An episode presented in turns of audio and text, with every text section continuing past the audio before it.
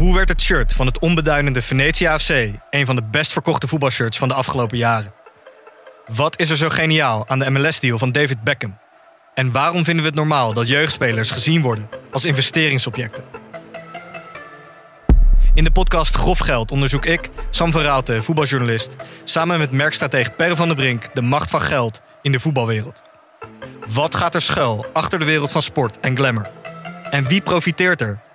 Luister naar Grof Geld en hoor hoe de Skybox de staantribune beïnvloedt. Een bejaarde maffiabaas bewerken met een hangslot. Ja, Panzer Reality TV met een man, een bakje rijst en een blote pielenmuis. Ja, dit zijn zomaar wat onderwerpen die voorbij kunnen komen in de podcast De Nummer 1 aller tijden. Bram Krikke, die ook wel geschiedenisnerd is. En ik, Stijn van Vliet, lijstjesfanaat, nemen elke week ja, een mooi geschiedenisverhaal mee. Alleen er is altijd maar één verhaal het beste verhaal. En dat is dan De Nummer 1 aller tijden. Luister dit vooral exclusief op Podimo. En heb je nog geen account, dan kun je natuurlijk ook gewoon gratis een account aanmaken via www.podimo.nl slash Bram en Stijn.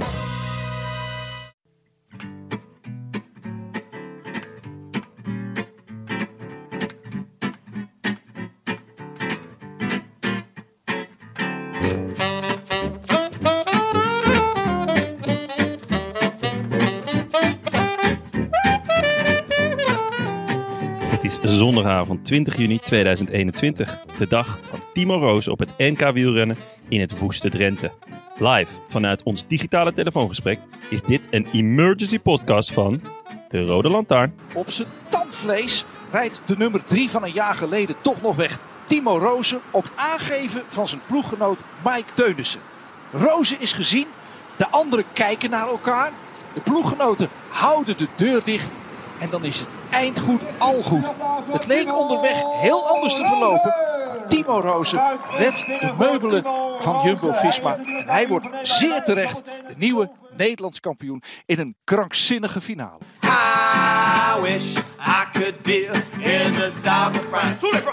In the south of France. Sitting right next to you. Jonne, Willem, onze eerste emergency podcast. Ja. En, Hoe voelt en- dat?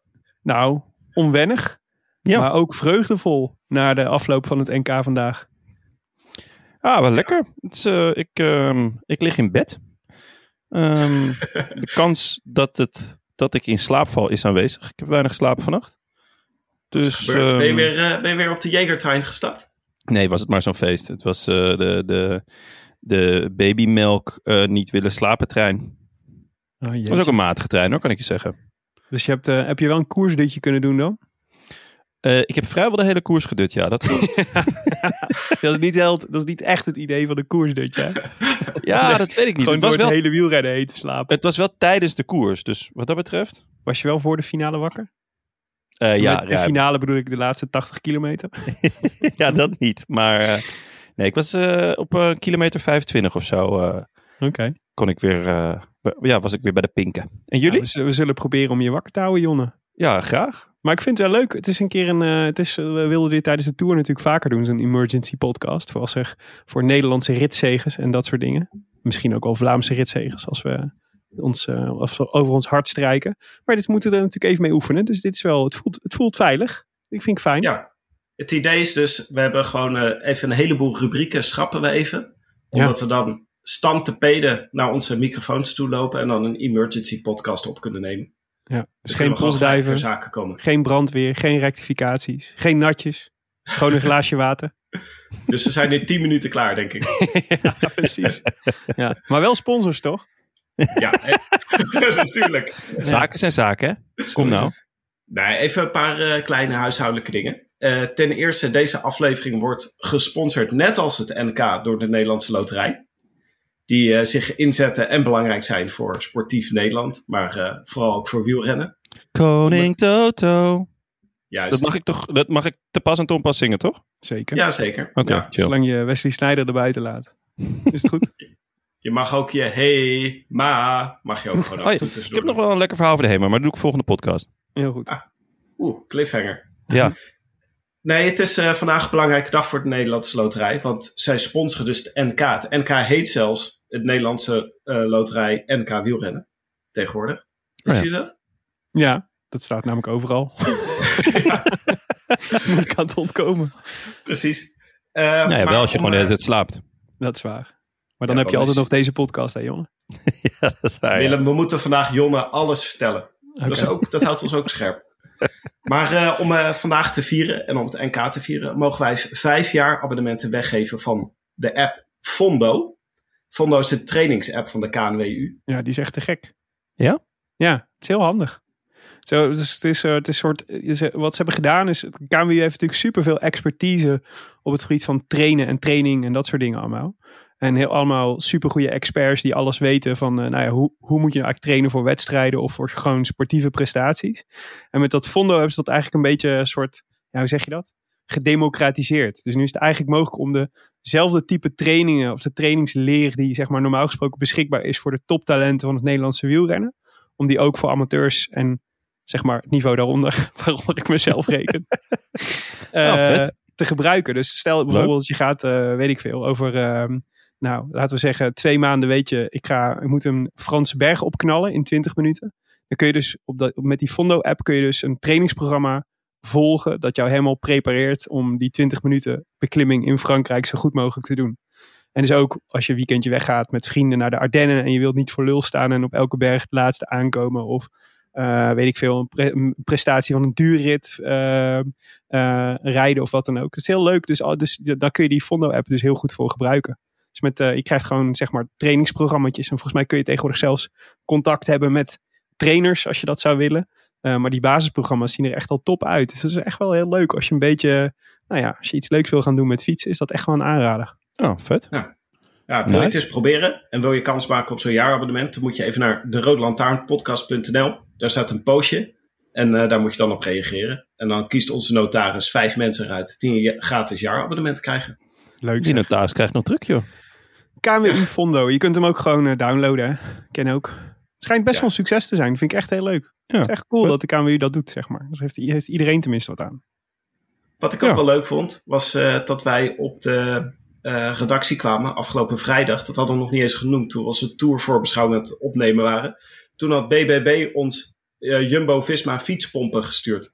ja, dat, ik vond het eigenlijk best wel leuk. Ik, ik heb nog nooit een gesponsorde fietspomp gezien. Jullie wel? Eh, Nee. Nee, Nee, ik- ha. Ik hoopte alleen wel dat ze ook een ehm, zo'n zo'n pinnetje erbij zou, hadden gedaan. Want ik wou vandaag mijn bal oppompen. Om even te gaan voetballen. Want die, die- dat zat er helaas niet in. Dus het was wel alleen voor fietspompen. Ja, dat is waar. Dat had je vroeger altijd. Dat je dat zo'n zo'n lange pin had je nodig. Ja, Maar, Ja, maar eh, is- BBB is natuurlijk eh, onze sponsor van het eh wielervoorjaar. En zijn tegenwoordig ook sponsor van de Jumbo-Visma-ploeg. Leveren dingen als fietspompen. Ja, dat is Oh, best wel vet. handig als je de Tour de France moet gaan rijden. Een fietspomp. Ja. Ja. Kan niet als je dan je fietspomp bent vergeten. Ik heb hem al geprobeerd op de bakfiets en daar functioneert hij prima op. Wat ook, eh, Heb jij een elektrische bakfiets, Willem? Ja, hè? Ik heb een elektrische bakfiets. Het Absoluut. gaat ook echt goed met jou, hè? Het gaat, ja, ja, een man in bonus. Eh, Willem heeft echt elke soort fiets. Je hoeft maar een soort Ja, fiets te vragen. Het is wel waar, ja. Dat klopt wel, ja. Heb je ook een eenwieler, Willem? Dat Nee, zou ik echt geen- gek vinden. Als je op een gegeven moment op een eenwieler naar evenementen komt. ja. Vrees dat mijn motoriek daar eh, anders over denkt, Jolle. Ik ben, ik, ben nooit, eh, ik ben niet in de weg gelegd als circusartiest. Nee, maar... Dat jij de hele tijd eh, op je eenwieler al jong lerend door de, door de Marnixstraat rijdt. Nou, misschien goed om even te zeggen op deze plek dat eh, mocht er een eenwielersponsor zijn die geïnteresseerd is om Willem een jaar op een eenwieler van een specifiek merk te laten rijden. Meld je maar bij ons. Ja, Ja. graag zelfs. Ja, ons, eh, ons mailadres is, is eh, live slow, ride fast. at laurenstendam.nl Ik denk dat het andersom is, Willem, maar Oh, ik snap wat je bedoelt. Zeker. Goed. Eh, maar zullen, we naar de, zullen we naar de koers gaan? Nou, ik, ik wilde nog één ding eh, wilde ik zeggen over Oh. Jumbo-Visma. Want die hebben dus allemaal, die zijn best wel slim met sponsordingetjes bezig de laatste tijd. Ehm, dat ja, die gewoon- blauwe banden in de Dauphiné. Zit je daar Ja. op te azen? Ja, die vond Ja, ik wel heel smooth. Ja. Ja, dat vond ik wel een grappige actie, vond ik dat. Die reden ineens, eh, reden ze dus met blauwe voorwielen, volgens Ja. mij. Zoals overal in Amsterdam iedereen een swapfiets heeft. Want dat is een sponsor toch van Jumbo-Visma? Ja, en eh, iedereen herkent die blauwe banden. En ineens reden ze daar het peloton ook mee. Ja. Maar ik ben benieuwd of we dat nog vaker gaan zien. Vond ik wel leuk, leuk bedacht. De blauwe banden deden me een beetje denken aan de eend van eh EF Education. Hoe heette dat ook weer? De street style- Palace. Palace. Skateboardmerk. Ja. Of de Ja. salami shirts van eh, Israel eh, Nation, Cycling Nation. Ja, niet, niet elke PR-stunt lukt, zo blijkt. Het ruikt altijd lekker als je in een beeld ziet rijden. Is wel zo. Nou ja, goed. We gaan het zien. Eh, mogen we dan nu naar het NK, NK wielrennen? Ja, het prachtige NK wielrennen in Drenthe. Want- Willem, want kan daar jij zitten hier immers vertellen voor. over, eh, over de koers? Ja, de, de vuilnisbelt. daar, daar was het weer. De Col du Vam heet Je weet hem wel te verkopen hoor. Ja, zeker. Maar het is mooi. Het is, eh, nou ja, het, eh, hij wordt ieder jaar mooier, die vuilnisbelt. En dat is natuurlijk omdat er eh, allemaal steeds meer mooie begroeiing en zo komt. Dus het, het, wordt, eh, het wordt steeds groener en het lijkt steeds meer op een echte berg. En het is van bovenaf ook best wel een tof gezicht. Met al die mountainbike paadjes en, eh, en steile hellinkjes en af en toe kinderkopjes en dat soort dingen. Dus ik, had best wel, ik kreeg er best wel zin van om, om er ook eens een keer naartoe te gaan. Waar het niet dat Drenthe zo super ver weg is vanuit Amsterdam. Maar ehm, twee uur rijden is ver. Kun je Zo, ook, ja. zit, zit je ook zomaar in Limburg. Maar ehm, eh, dat parcours is, eh, nou wat is het, 7,3 kilometer, één rondje. Eh, twee stevige beklimmingen erin. De heren zouden oorspronkelijk 27 rondes rijden. Ehm, eh, dus dat was, dat was flink, dus bijna 200 kilometer. Maar uiteindelijk werd het, er- werd het met twee rondes ingekort. En dat was om op tijd te zijn, of, dat de NOS op tijd zou zijn voor de EK-wedstrijden van vandaag. Ze haalden het net. Eh, maar ja, ik dacht, had even een stukje van die voorbeschouwing geskipt. Zo interessant is Rafael van der Vaart ook niet. Maar ehm, het, parcours was zwaar, het parcours was zwaar genoeg. En die 183 kilometer waren zwaar genoeg. Het was volgens mij echt... Nou ja, ik heb... Ik heb ehm, de- de- was vorig jaar was het natuurlijk ook al. Toen hadden ze volgens mij 17 renners die finishten. Ik weet niet hoeveel er dit jaar zijn gefinished. Maar het, het zag er niet minder zwaar uit dan toen. Iedereen zat eh, een paar rondes voor het einde volgens mij al stevig aan het einde van zijn Latijn. Ehm, ja, het, het, eh, het, doordat het de, de tweede keer was, het is natuurlijk omdat het op een afgesloten, het is een, op een afgesloten parcours en dat is natuurlijk coronatechnisch super handig. Eh, dus vandaar dat het voor het tweede jaar achtereen op dit, eh, op dit parcours was. Met drie klimmen, stukje kasseien, eh, 56 meter hoogte. Ja, wat moet je daar verder van zeggen? Het was, het, ik vond het wel leuk. Het had een beetje een criteriumgevoel. Rondje om de kerk. En dan net iets, net iets groter dan het gemiddelde rondje om de kerk. Ehm, het was, je had genoeg tijd om het parcours te leren kennen. In ieder geval 25 keer, 25 keer hetzelfde. Dus ik vond het wel leuk. Maar na twee keer, na twee jaar dacht ik wel... Volgend jaar moeten we wel weer even ergens anders gaan fietsen. Ik vind ook de, de, de 56 meter hoogte.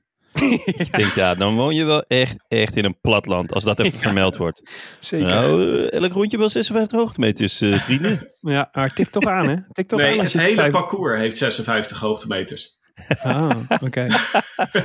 ja.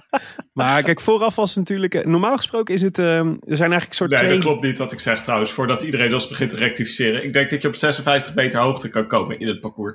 Ja, dat denk ik ook. Die berg is 56 meter hoog, inderdaad. Ja. Maar ehm, er waren eigenlijk twee, volgens mij, verhalen vooraf. Dus één was natuurlijk, het zou... eh, al- altijd bij een Nederlands kampioenschap is het verhaal...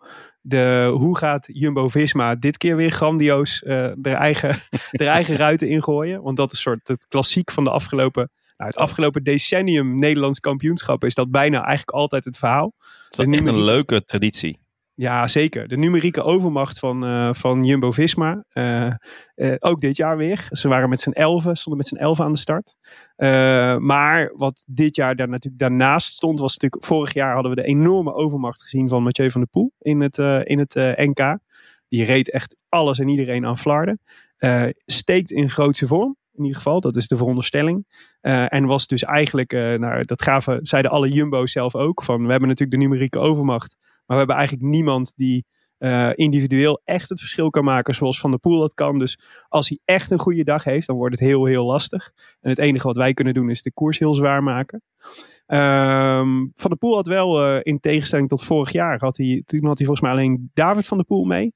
Nu had hij ook Oscar Riesebeek eh, bij zich. Ook een man in vorm, want die hebben we natuurlijk in de Giro al gezien. Eh, en hij zei zelf van tevoren ook al dat dat natuurlijk ook altijd nog een optie is om, eh, om uit te spelen. Ehm, en naast de blokken Jumbo en Alpecin Phoenix waren er ook nog zes Wanties en vier DSM's.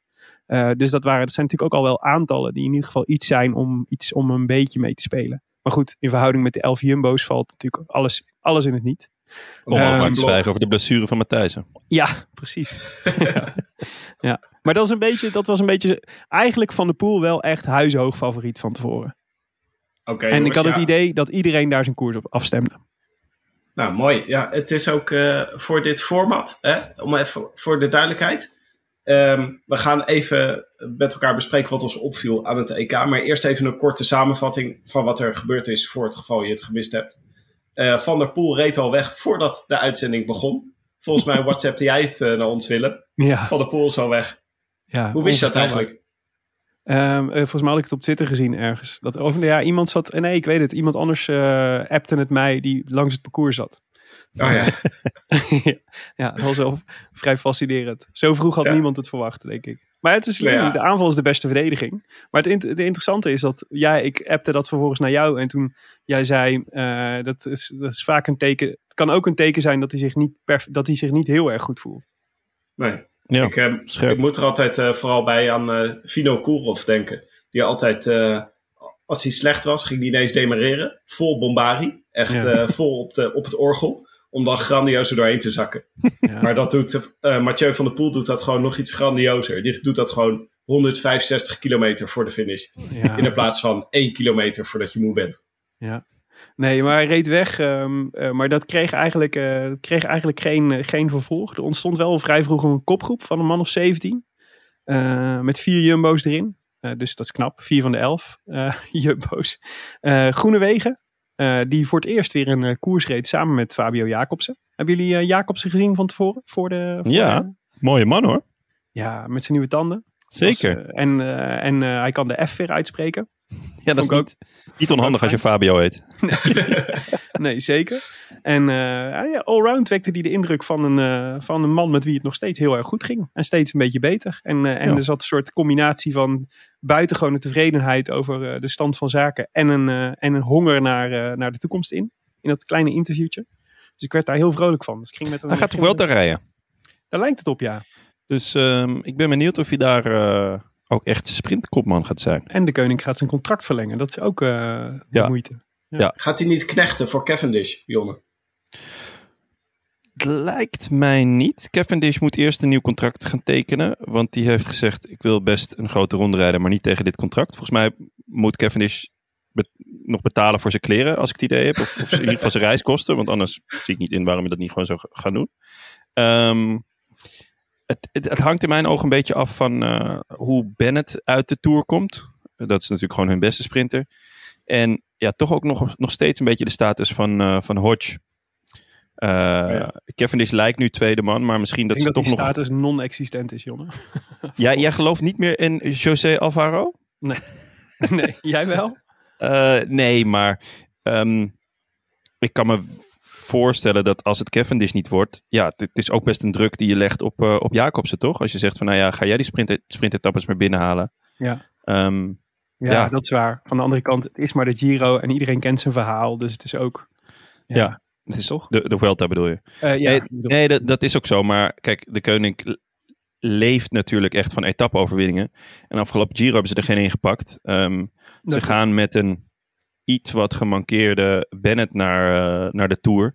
Eh, er staan in ieder geval wat vraagtekens eh, door een blessure bij hem.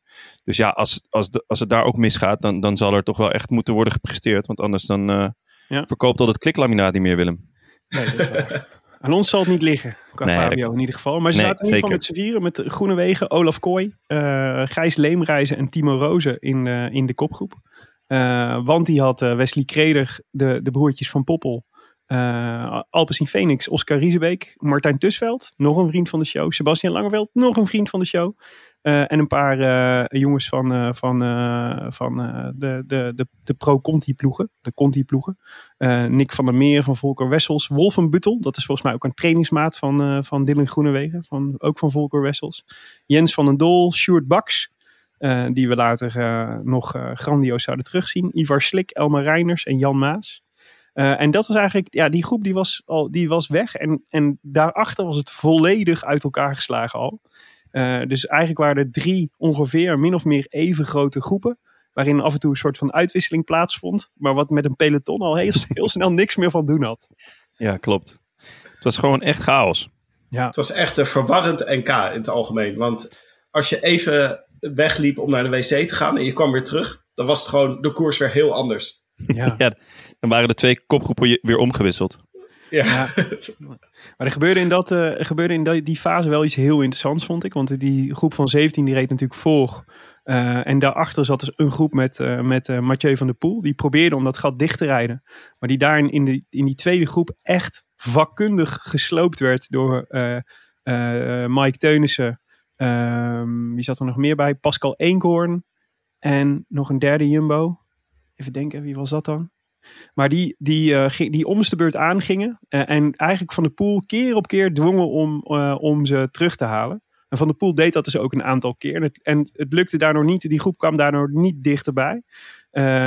Maar ik, heb wel, ik had wel het idee dat Van de Poel daardoor echt heel veel energie al kwijtgespeeld was. Later zei hij ook dat hij niet zijn beste dag had. En, en, en dat je als je dan tegen zo'n blok rijdt. Ehm, of zelfs tegen een paar van zulke sterke blokken. Want ehm, eh, de, de, de, de Hilaire Boys waren natuurlijk ook eh, aardig vertegenwoordigd. Dan is de dat Hilaire Boys. Hilaire Oh, Boys. dat vind ik echt een goede nieuwe introductie in het peloton. Ik Ja. hoop dat dat wat blijft. Ik hoop dat dat gewoon een teamnaam wordt. Maar de, veel beter.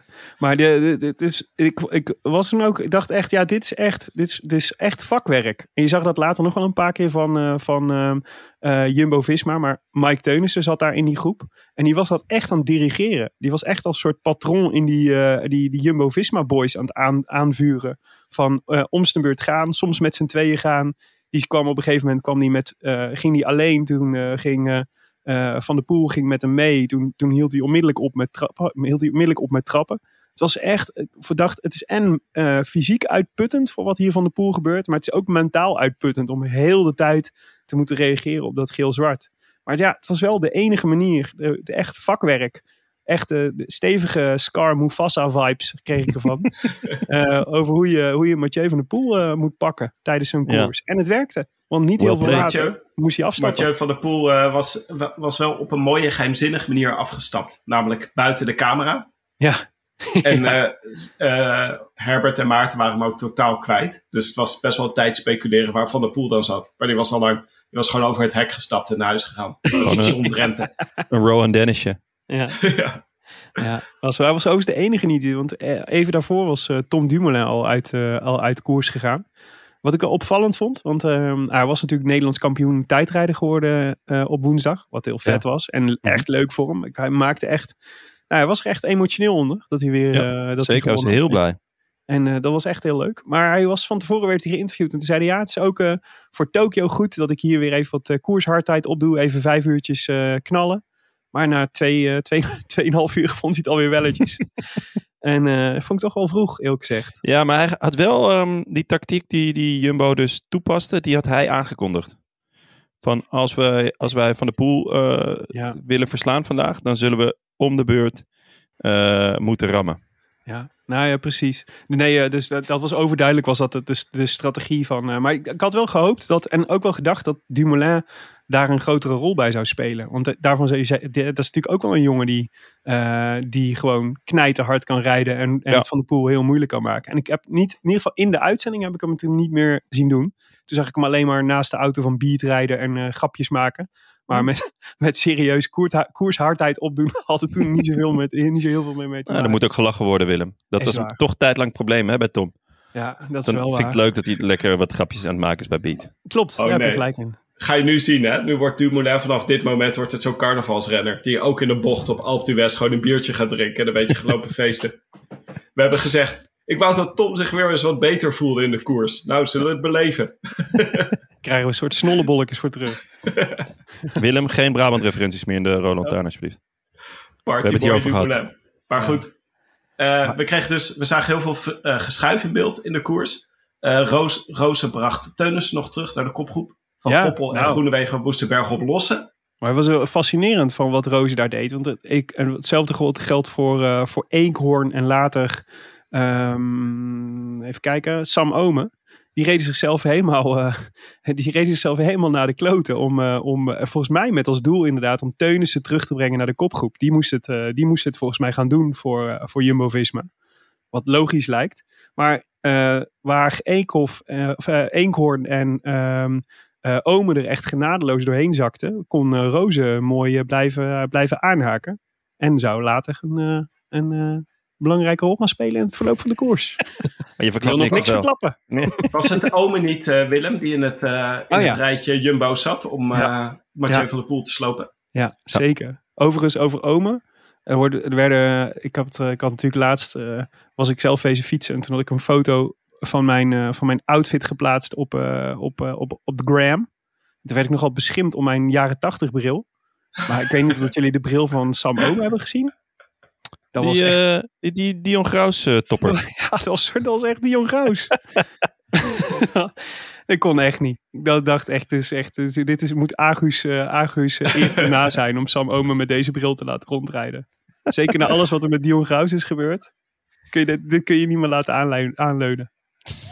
Ja, goed. Dus je kreeg eh, in de laatste ronde eh, met al dit Jumbo-geweld, kreeg je wel ironisch genoeg dat eh Tusveld en Bax, die trouwens uitstekend reed vandaag, Ja.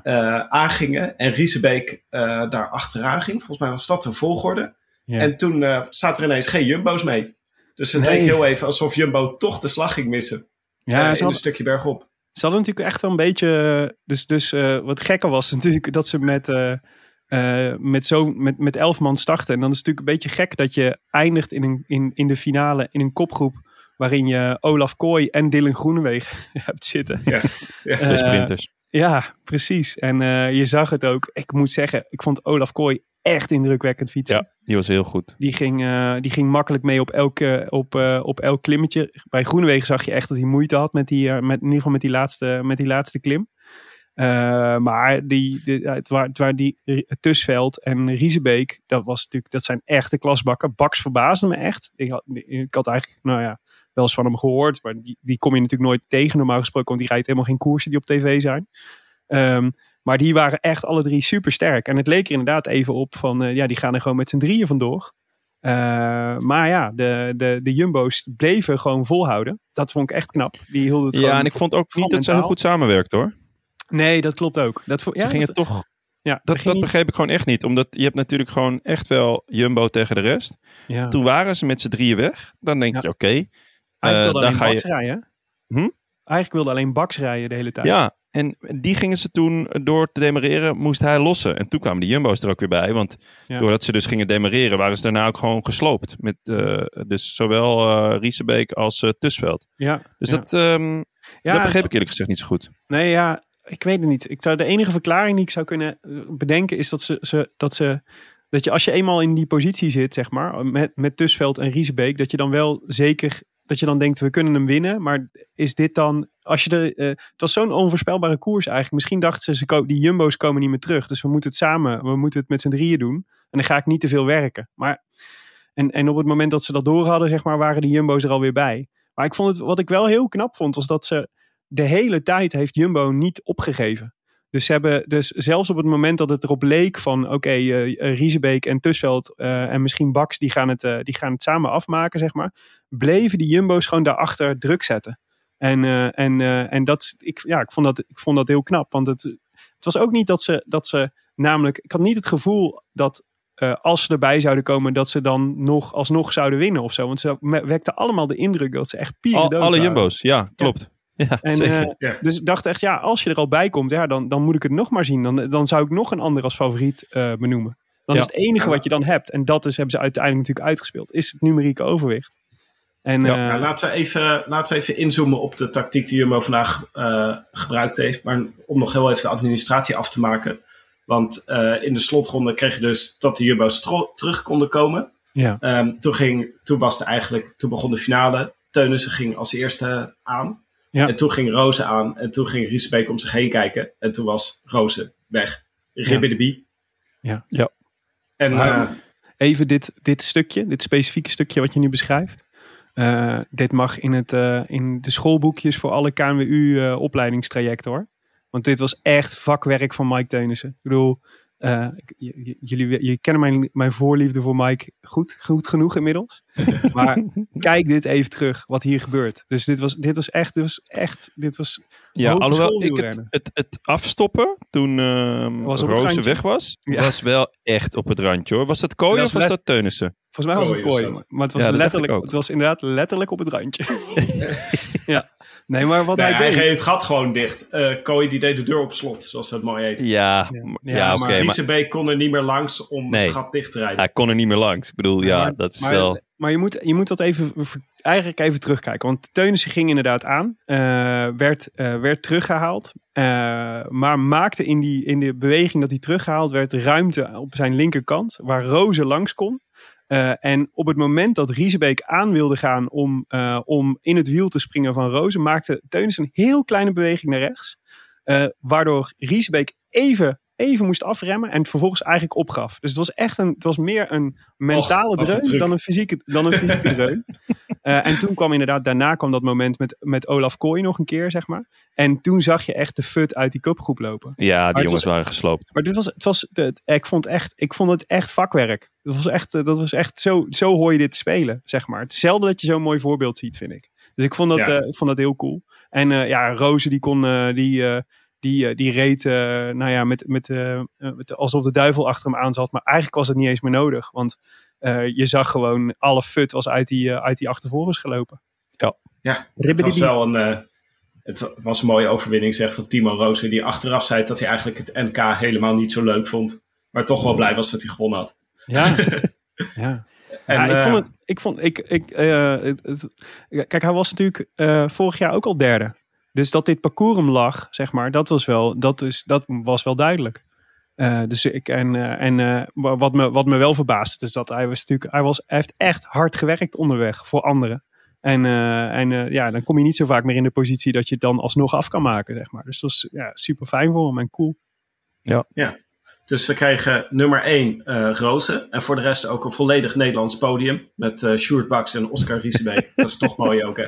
Leuk Ja. Tim, leuk. Nee, Tijdens nou, als, kijk, als je naar dit Nederlands Dat was sowieso een schitterende dag voor het Nederlands wielrennen. Ja, zeker. Ja. Overal de drie kleur gewoon. Dat is geen, eh, nee, dat is mooi. Het is leuk om te zien dat er geen buitenlander aan de pas komt. Dat we daar gewoon geen plek voor maken. Teunus werd eh, vierde op 33 seconden. Eh, Ja. Daarna Boy van Poppel, Tusveld, Kooi, Jan Maas, Bram Welte en tiende Sebastian Langeveld. Ja. Die Ja, eh, toch, overigens eh. ook een dijk van een koers reed. Eh, Ja, maar die was wel heel eenzaam. In Ja. zijn- in zijn roze pakkie. Ik heb hem lang, eh, ik dacht, ik kan hem lang, dacht ik van, hij is eh, zo slim aan het rijden, die gaat er straks, eh, die poeft er straks vandoor. Dat eh, was eh, overduidelijk eh, ook ingegeven doordat Herbert Dijkstra dat voortdurend aan het benoemen was.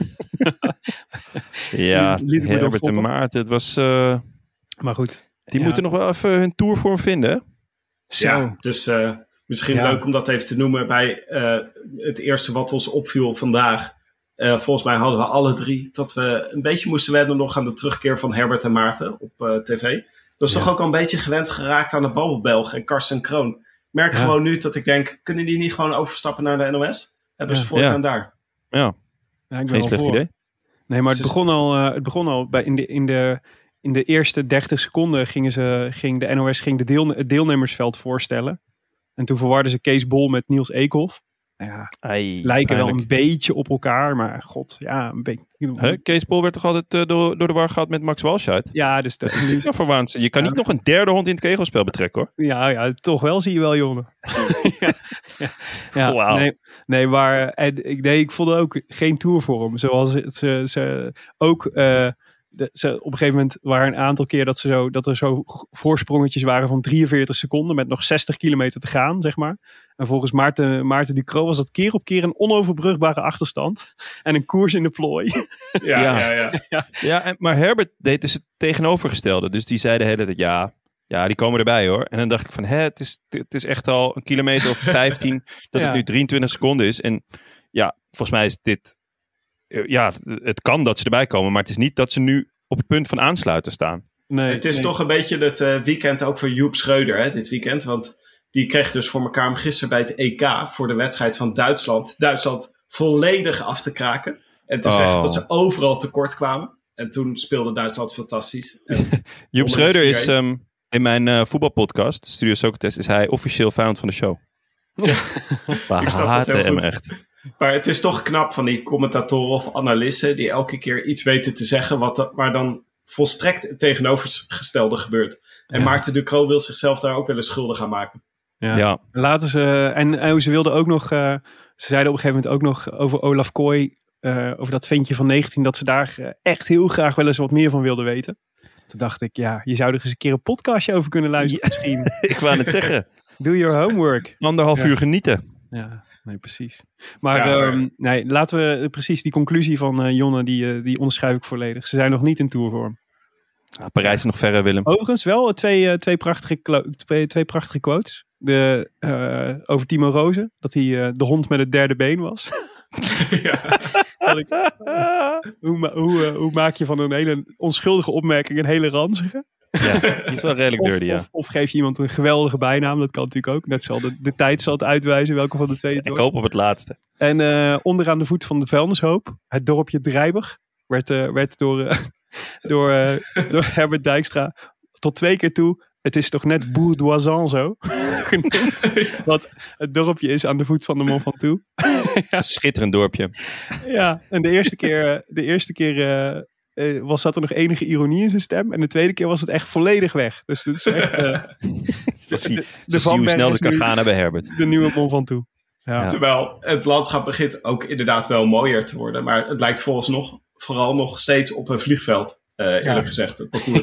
Ja, een beetje, maar wel met die lekkere, beetje die vuilnisbelt vibe. Heeft het. Ja. Dat vind ik ook wel. Vliegveld met een vuilnisbelt vibe. Dat is Ja. gewoon een mooie omschrijving van dit parcours. Wat ik ook wel, ehm, wat me daarin ook wel, dus ze waren ook voortdurend opgewonden. Wat ik me wel kon voorstellen bij, eh, want het, het koersverloop was ook best wel heftig. Maar ze versterkten dat ook wel enorm met hun, eh, met hun driftige commentaar. Eh, en en dat, dat, die combinatie van het heftige koersverloop en, dat, en dat, dat, het, het parcours en de korte rondjes. Ik had echt vanaf 80 kilometer het gevoel al dat ik naar de laatste 10 kilometer zat te kijken. Dus ik, mijn hartslag was ook veel te hoog de hele tijd. Ik, had, Ja. en ik, ik, ik kwam niet eens in de stemming eh, voor een koersdutje. Maar misschien waren ze zo opgewonden door dat derde been. Dat zou en dat kunnen. was ook steeds letterlijk het laatste rondje natuurlijk. Dat is ook een beetje eh, mentaal slopend voor de kijkers. Dat je de hele tijd naar de finish aan het kijken bent. Ja, ja, nee, Ja. precies. Ja. Maar ik, denk, ik vroeg me ook al, ik dacht ook, ja, dit, dit parcours of zo'n klein rondje, dat, dat draait, of dat gaat dus ook automatisch, leidt dat tot een soort rondje om de kerkkoersen. Dus volgens mij is het ook als renner dus super moeilijk om hier gewoon een beetje kalm te blijven. Dat soort, het, voor geen meter, want het is ook smal, weet je wel. Dus je kunt niet echt in een peloton rijden. Eh, dus een beetje uitblazen zit er gewoon niet in. Dus het is, het is inderdaad vanaf gewoon kilometer één is het gewoon knallen en keihard koers en proberen om een soort in nou ja, kleine groepjes te vormen. Want dat is denk ik de meest effectieve manier om je te verplaatsen op Ja. zo'n parcours. En dat, en dat eh, bizar. de absolute topfavoriet dan ook nog in ronde 1 of 2 al gaat. Ja. Dat versterkt dat gevoel natuurlijk alleen maar. Dat geeft heel veel onrust. Maar er moeten dus Ik- ook een heleboel renners zijn geweest die gewoon die gekomen zijn naar dit NK, zeg maar. En die gewoon vanaf ronde 1 eigenlijk gewoon al meteen kansloos waren. Omdat ze gewoon Ja. eh, meteen op minuten zaten. Dat is Ja. ook, eh, ik, eh, ik vind het eerlijk gezegd het parcours daardoor heel erg leuk. Ja. Ik ben, ben eh, in tegenstelling tot jullie, eh, jullie zijn aan het wachten op eh, misschien weer eens een ander decor. Maar ik dacht, dit is een mooie traditie die geboren is. Gewoon een parcours waar twee klimmetjes en een kasseienstrook in zitten. Hartstikke mooi. Het werkt wel goed, omdat er de hele tijd van alles gebeurt. Ja. Het is alleen, ja. je mist het publiek nu een beetje. Ik denk dat het veel leuker uit gaat zien als er veel publiek staat. Ja, maar wat leuk zou kunnen zijn natuurlijk. ehm, kijk, het is nu een afgesloten parcours. Hè? Dus het is nu 7, een rondje van 7,3 kilometer. Je kunt, natuurlijk prima, kunt hier natuurlijk prima een rondje van 30 kilometer van maken. Door de omgeving van Drenthe. Eh, zodat je wel zeg maar, die, eh, die Vanberg erin houdt. En daar, die helemaal vol kunt zetten met publiek. Zeg maar. En, eh, maar wel een, een iets uitgebalanceerde koers hebt. Want het is wel, het is, ik vind het ook wel vet hoor. Maar het is wel, nou, je zit wel uiteindelijk 25 rondjes naar hetzelfde te kijken. Dat is wel. Beetje veel pieken.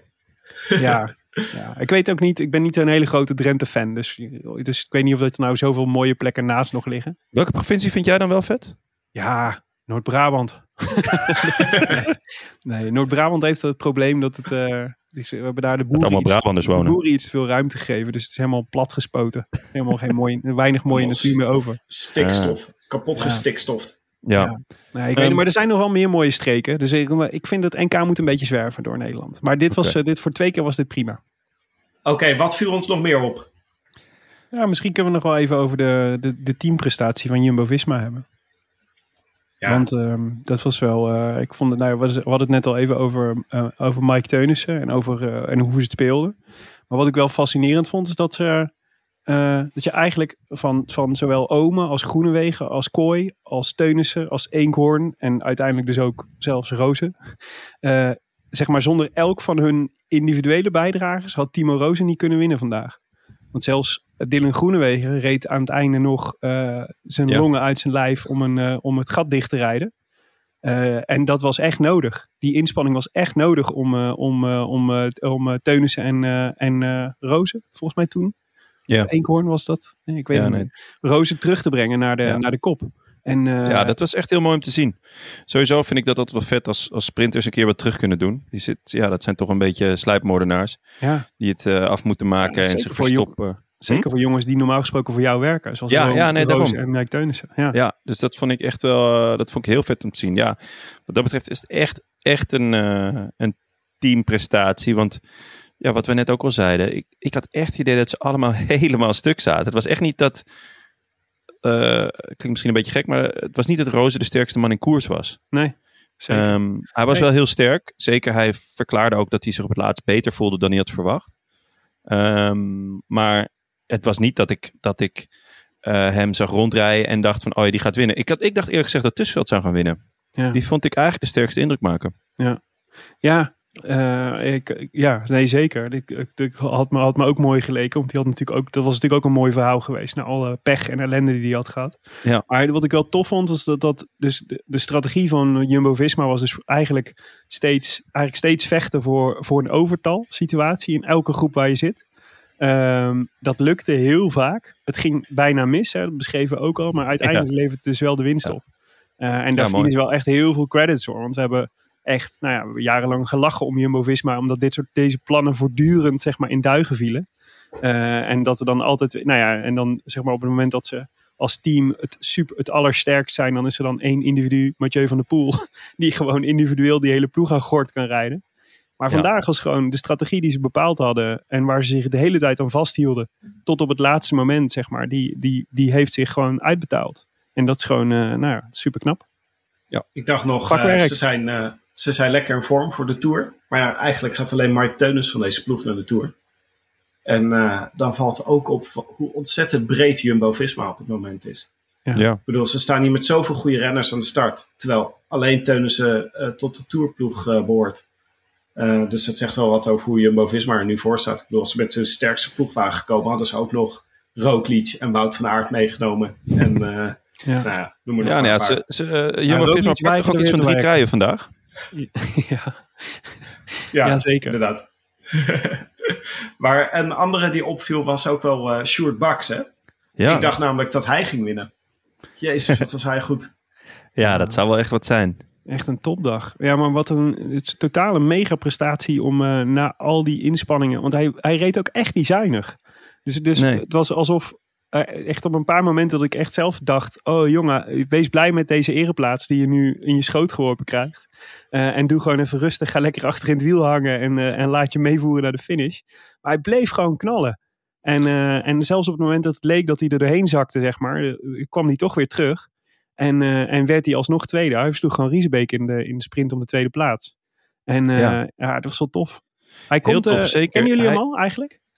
Ik had hem een paar keer voorbij zien komen afgelopen jaar eh, op eh, Pro Cycling Stats.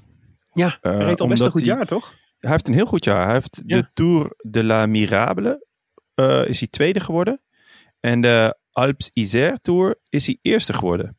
Het is gewoon in het klassement. En dat zijn allebei 2.2 koersen.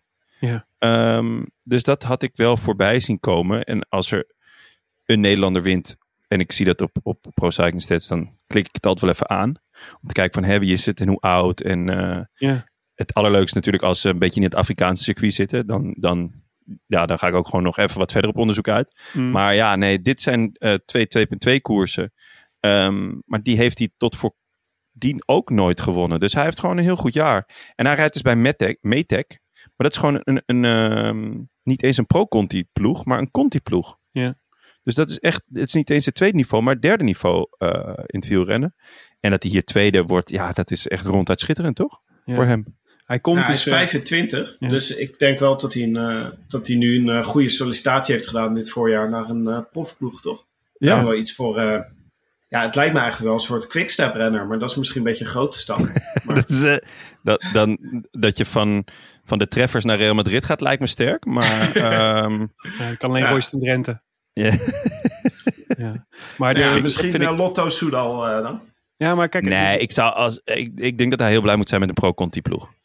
Dus als hij naar ehm, Uno X of zo kan, dan, dan zou dat gewoon een, echt een schitterende stap zijn. neutrale, onze, onze, onze eh, collega voetbalpodcast, Neutrale Kijkers, die, eh, die eh, maken een prachtige reeks rondom het EK voetbal. Maar daarin werd afgelopen week het Karel Poborski-principe geïntroduceerd. Ken je dat? Het Karel Poborski-principe? Nee? Genoemd naar Karel Poborski. Ja. Die En eh, de Tsjechische middenvelder die in 1996 volgens mij een geweldig EK speelde. Eh, toen eh, vol, eigenlijk volslagen onbekend was. En na dat toernooi op basis van, van geloof ik vier hele goede wedstrijden een transfer naar Manchester United verdiende. Eh, en daar vervolgens niks presteerde. ja. Want hij bleek wel goed, maar niet zo goed, zeg maar. Ik vraag me af of dat het in het wielrennen nog voor zou kunnen komen dat, eh, dat er, dat er zo'n totaal opportunistische transfer plaatsvindt. Ik kan me wel voorstellen namelijk dat heel veel profploegen dit zien en denken, hmm, Hmm. short bucks. Ja. Ja. Ja, Want die lijkt me zo'n team. ja, ja, ja. Ja, Ja, maar het is dan- dus altijd- wie weet, wie weet is dat, eh, wie, wie weet is dat eh, zijn geluk. ja. Maar mooi dat, eh, dat spreekt niet veel vertrouwen uit in uh, eigenlijk, Willem. Wil je daarmee Nee. zeggen dat dat een op- opportunistische aankoop gaat worden en dan een tegenvaller? Nou, dat was, het, dat was het geweest, waar het niet dat hij het hele seizoen natuurlijk al goed rijdt. Maar wat fascinerend, hij, de jongen is dus 25 en hij komt van het Rabo Development Team. Hij zat in, het, eh, in dezelfde jaargang als eh, Bol en Nieuwenhuis en Tolhoek en Omen en Tusveld en Hofstede. Dus zeg maar de up-and-coming Nederlandse generatie. Eh, maar het gekke is dat ik 25 voelt al best wel weer oud om dan profwielrenner te worden. Terwijl dat natuurlijk eigenlijk helemaal nergens op slaat. Want je hebt gewoon nog eh, tien eh, geweldige jaren, jaren voor de boeg. Maar het is ook, ik merk ook dat mijn perceptie daarin anders is geworden. Zeg maar. Dat je echt het gevoel hebt, nee, nee, kooi, dat is eigenlijk al, ja, is eigenlijk al best wel laat, 19. en nog niet voor eigen kansen kunnen rijden. Maar dat is, ja. Dus nee, ik denk niet dat het een Karel Poborskietje wordt. Ik denk, ik zou, ik denk dat, eh, dat hij zich, eh, dat hij, eh, dat hij bij een team als Wanti, dat hij daar prima, prima op zijn plek zou zijn.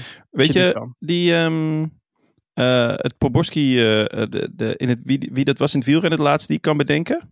Nou, Eh, Roman Feinsteins. Feinsteins. Naar de Koning toch? ja. die ging naar de Koning. En Ja. eh, die, eh, want die werd wereldkampioen en ging daar naar de Koning. En die heeft helemaal niks gepresteerd, behalve dat hij echt rammend veel wodka kon drinken.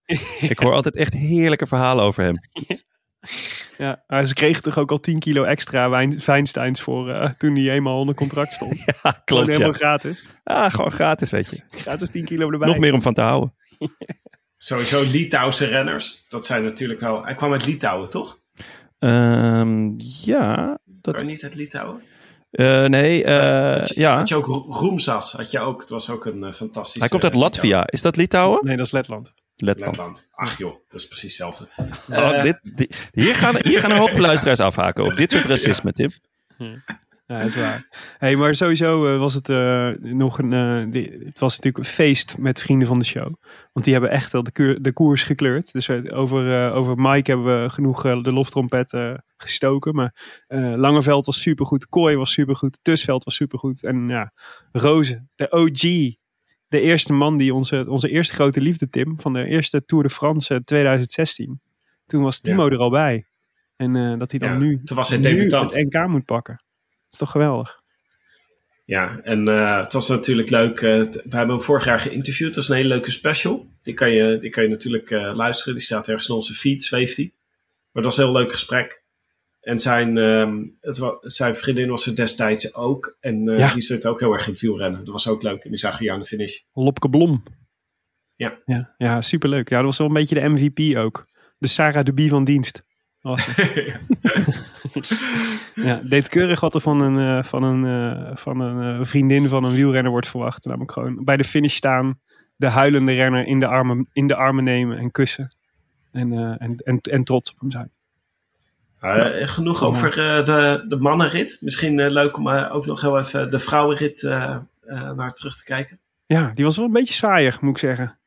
Ja. Amy Pieters won. Dat was wel leuk voor haar. Want dat is normaal gesproken ook een renster die volgens mij veel um, in dienst rijdt. Voor, met name voor Anne van der Breggen, die de tijdrit al had gewonnen. Dus dat was wel tof. Maar het, was, het haalde het niet bij de attractiviteit van de mannenkoers. Ja, nou ja, het was, uh, maar het is wel een mooie overwinning voor haar. Met zoveel goede Nederlandse renners op het moment. En, ja. Ja, zeker.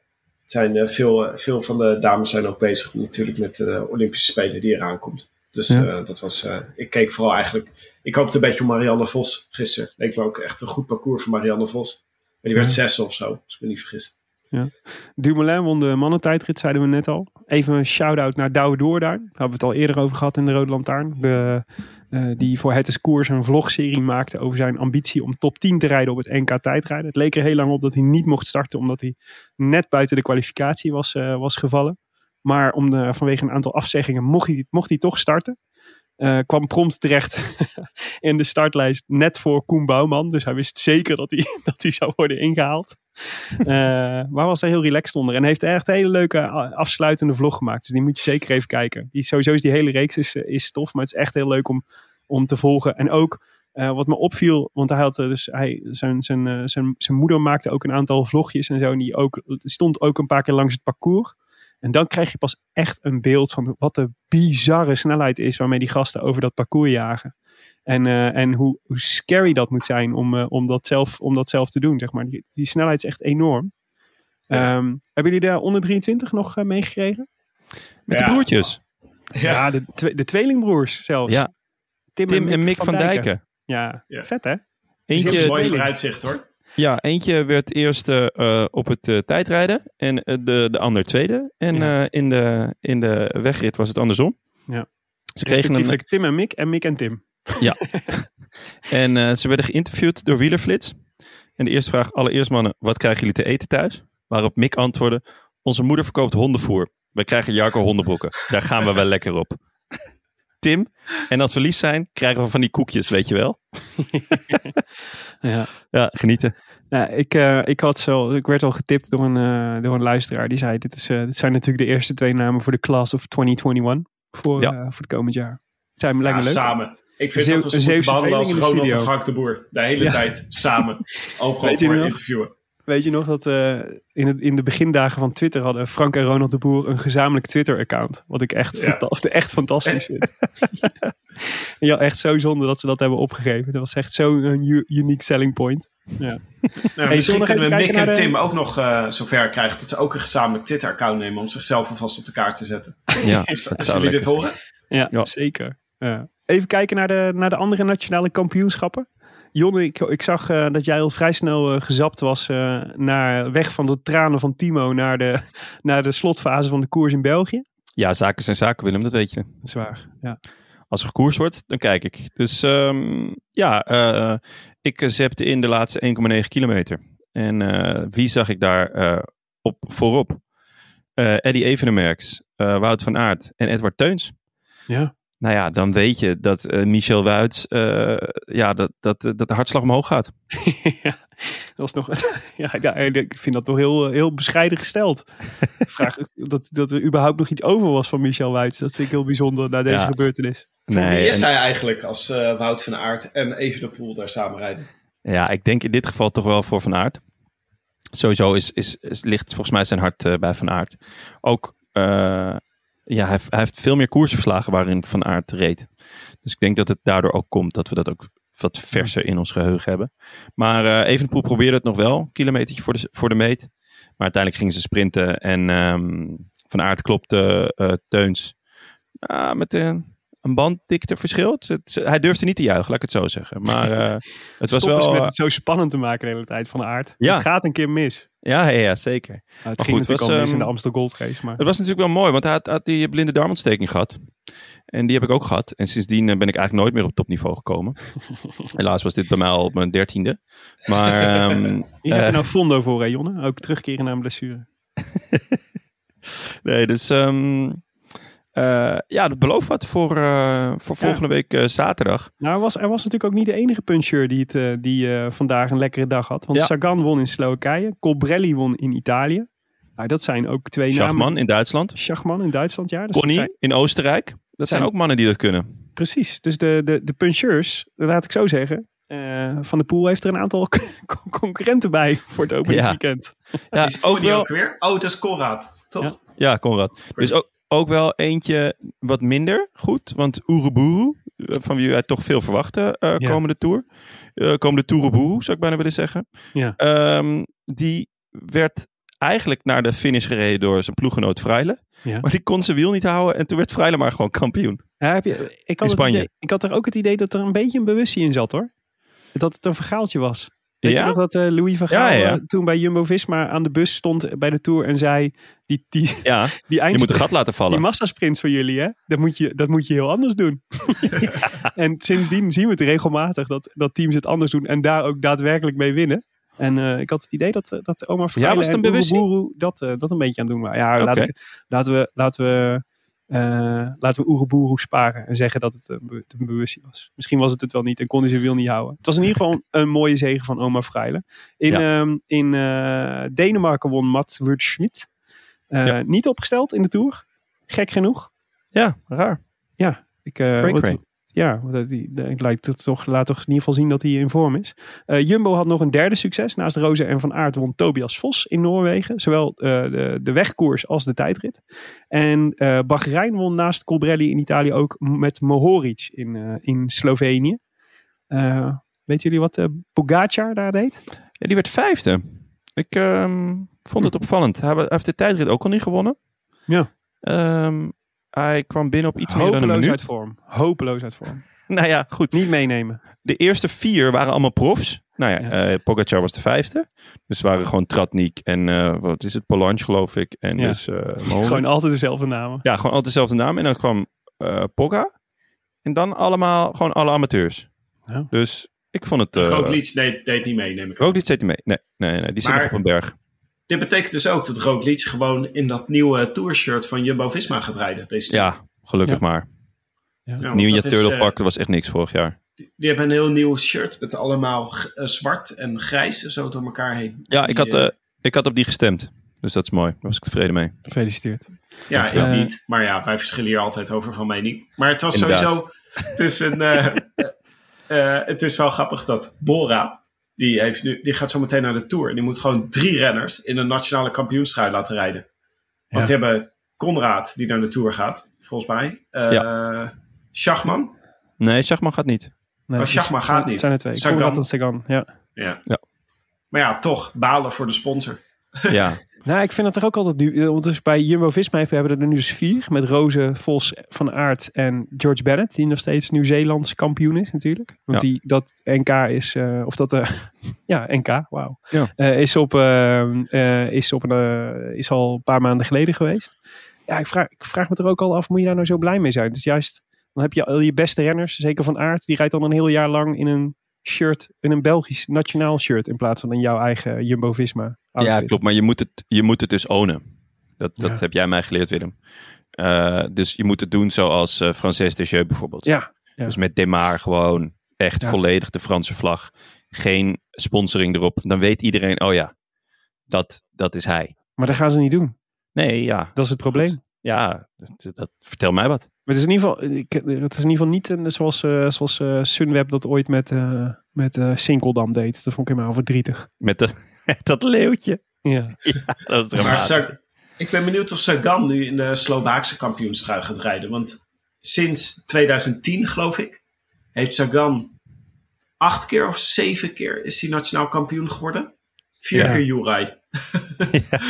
Zo, Slowakije is gewoon alleen maar Sagans al Ja. 14 Ja. jaar lang. Ja, terecht. Nou, 11 jaar lang. ja. Nou goed, ja, ik hoop het. Ik ben benieuwd wanneer we de eerste beelden van, eh, van Timo Rozen in, eh, in eh, het, het officiële rood-wit-blauwe shirt van Jumbo-Visma zien. Het was lang geleden dat ze, volgens mij was de laatste Dylan Groenewegen. Tweede, dat was, en dat was ons eerste, onze eerste Pilot NK-uitzending, eh, Tim. Toen won Ja. Groenewegen. En dat was volgens mij de laatste keer dat eh, Jumbo-Visma met een eh, Nederlandse kampioenschapstrui rond mocht rijden. Ja, want ehm eh, Roze die zei ook van... eh, ja, het is jammer, jullie zullen daardoor niet de Nederlandse kampioenstrui in de Tour zien. Ja. Maar eh, hij heeft al best wel veel moeten invallen dit, eh, dit voorjaar. Dus ja, er Ja. bestaat altijd een kleine kans dat hij ineens, weet je wel... Wout van Aert heeft toch last van zijn blinde darmontsteking. En dan zie je toch de kampioenstrui in de Tour. Nou, ik vind het wel een beetje adel verplicht dat ze hem nu in ieder geval naar de Vuelta moeten sturen hoor.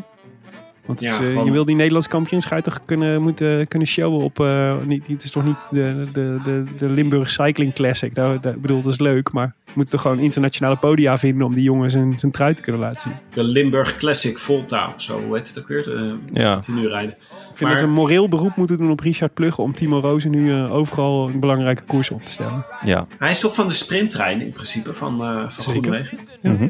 ja. En gaan ze met die sprinttrein naar de Vuelta? Weet je dat al, jongen? Volgens mij niet. Nee, ik eh, staat er niet Nee, op. hè? Volgens mij is Kruiswijk gewoon kopman. En eh, gaan ze daarvoor een klassement. Nou, ik vind dat eh, wel, wat de ploeg ook wordt, Timo Rozen moet mee. Ja, mee eens. Toch jongens? Ja, zeker. Nou goed. Bij deze. We pluggen hem. Dit, dit, eh, dit was het weer, de nationale kampioenschappen. Wij gaan ons voorbereiden op de Tour de France. En dit was een Rode Lantaarn Emergency podcast. Gepresenteerd zoals altijd door favoriete bankzitters. Willem Dudok, Jonas Ries en mijzelf, Tim de Gier. Ik was meer in bed liggen hoor vandaag.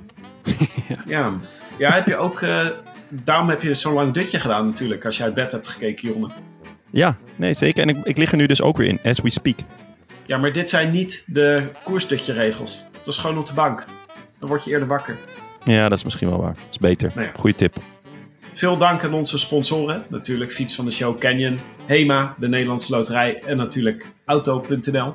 En natuurlijk onze oervaders van hetiskoers.nl en onze suikerooms van Dag en Nacht Media. En bovenal onze vrienden van de show.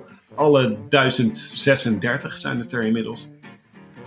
Dus eh, surf browse naar de roodlantaarnpodcast.nl om op de hoogte te blijven. Of stuur ons theorieën en vragen op de Twitter of de Gram. Eh, Jonne houdt het allemaal in de gaten. Of mail Zeker, ik ons zit, op- er, ik zit er echt heel kort op. of mail ons op groetjes at We zijn er snel weer. En wel volgende week na het openingsweekend van de Tour. Met een ongetwijfeld heerlijk uitputtende aflevering.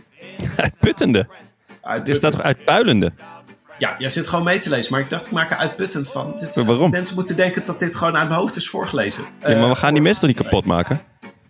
Nee, dat is eh, oké, uitpuilende aflevering. en eh, luister vooral nog even naar de grote voorbeschouwing van de Tour. Die ook online staat met veel tips voor je poeltjes. Tot, vo- tot volgende week, jongens. Tot volgende week. A biento.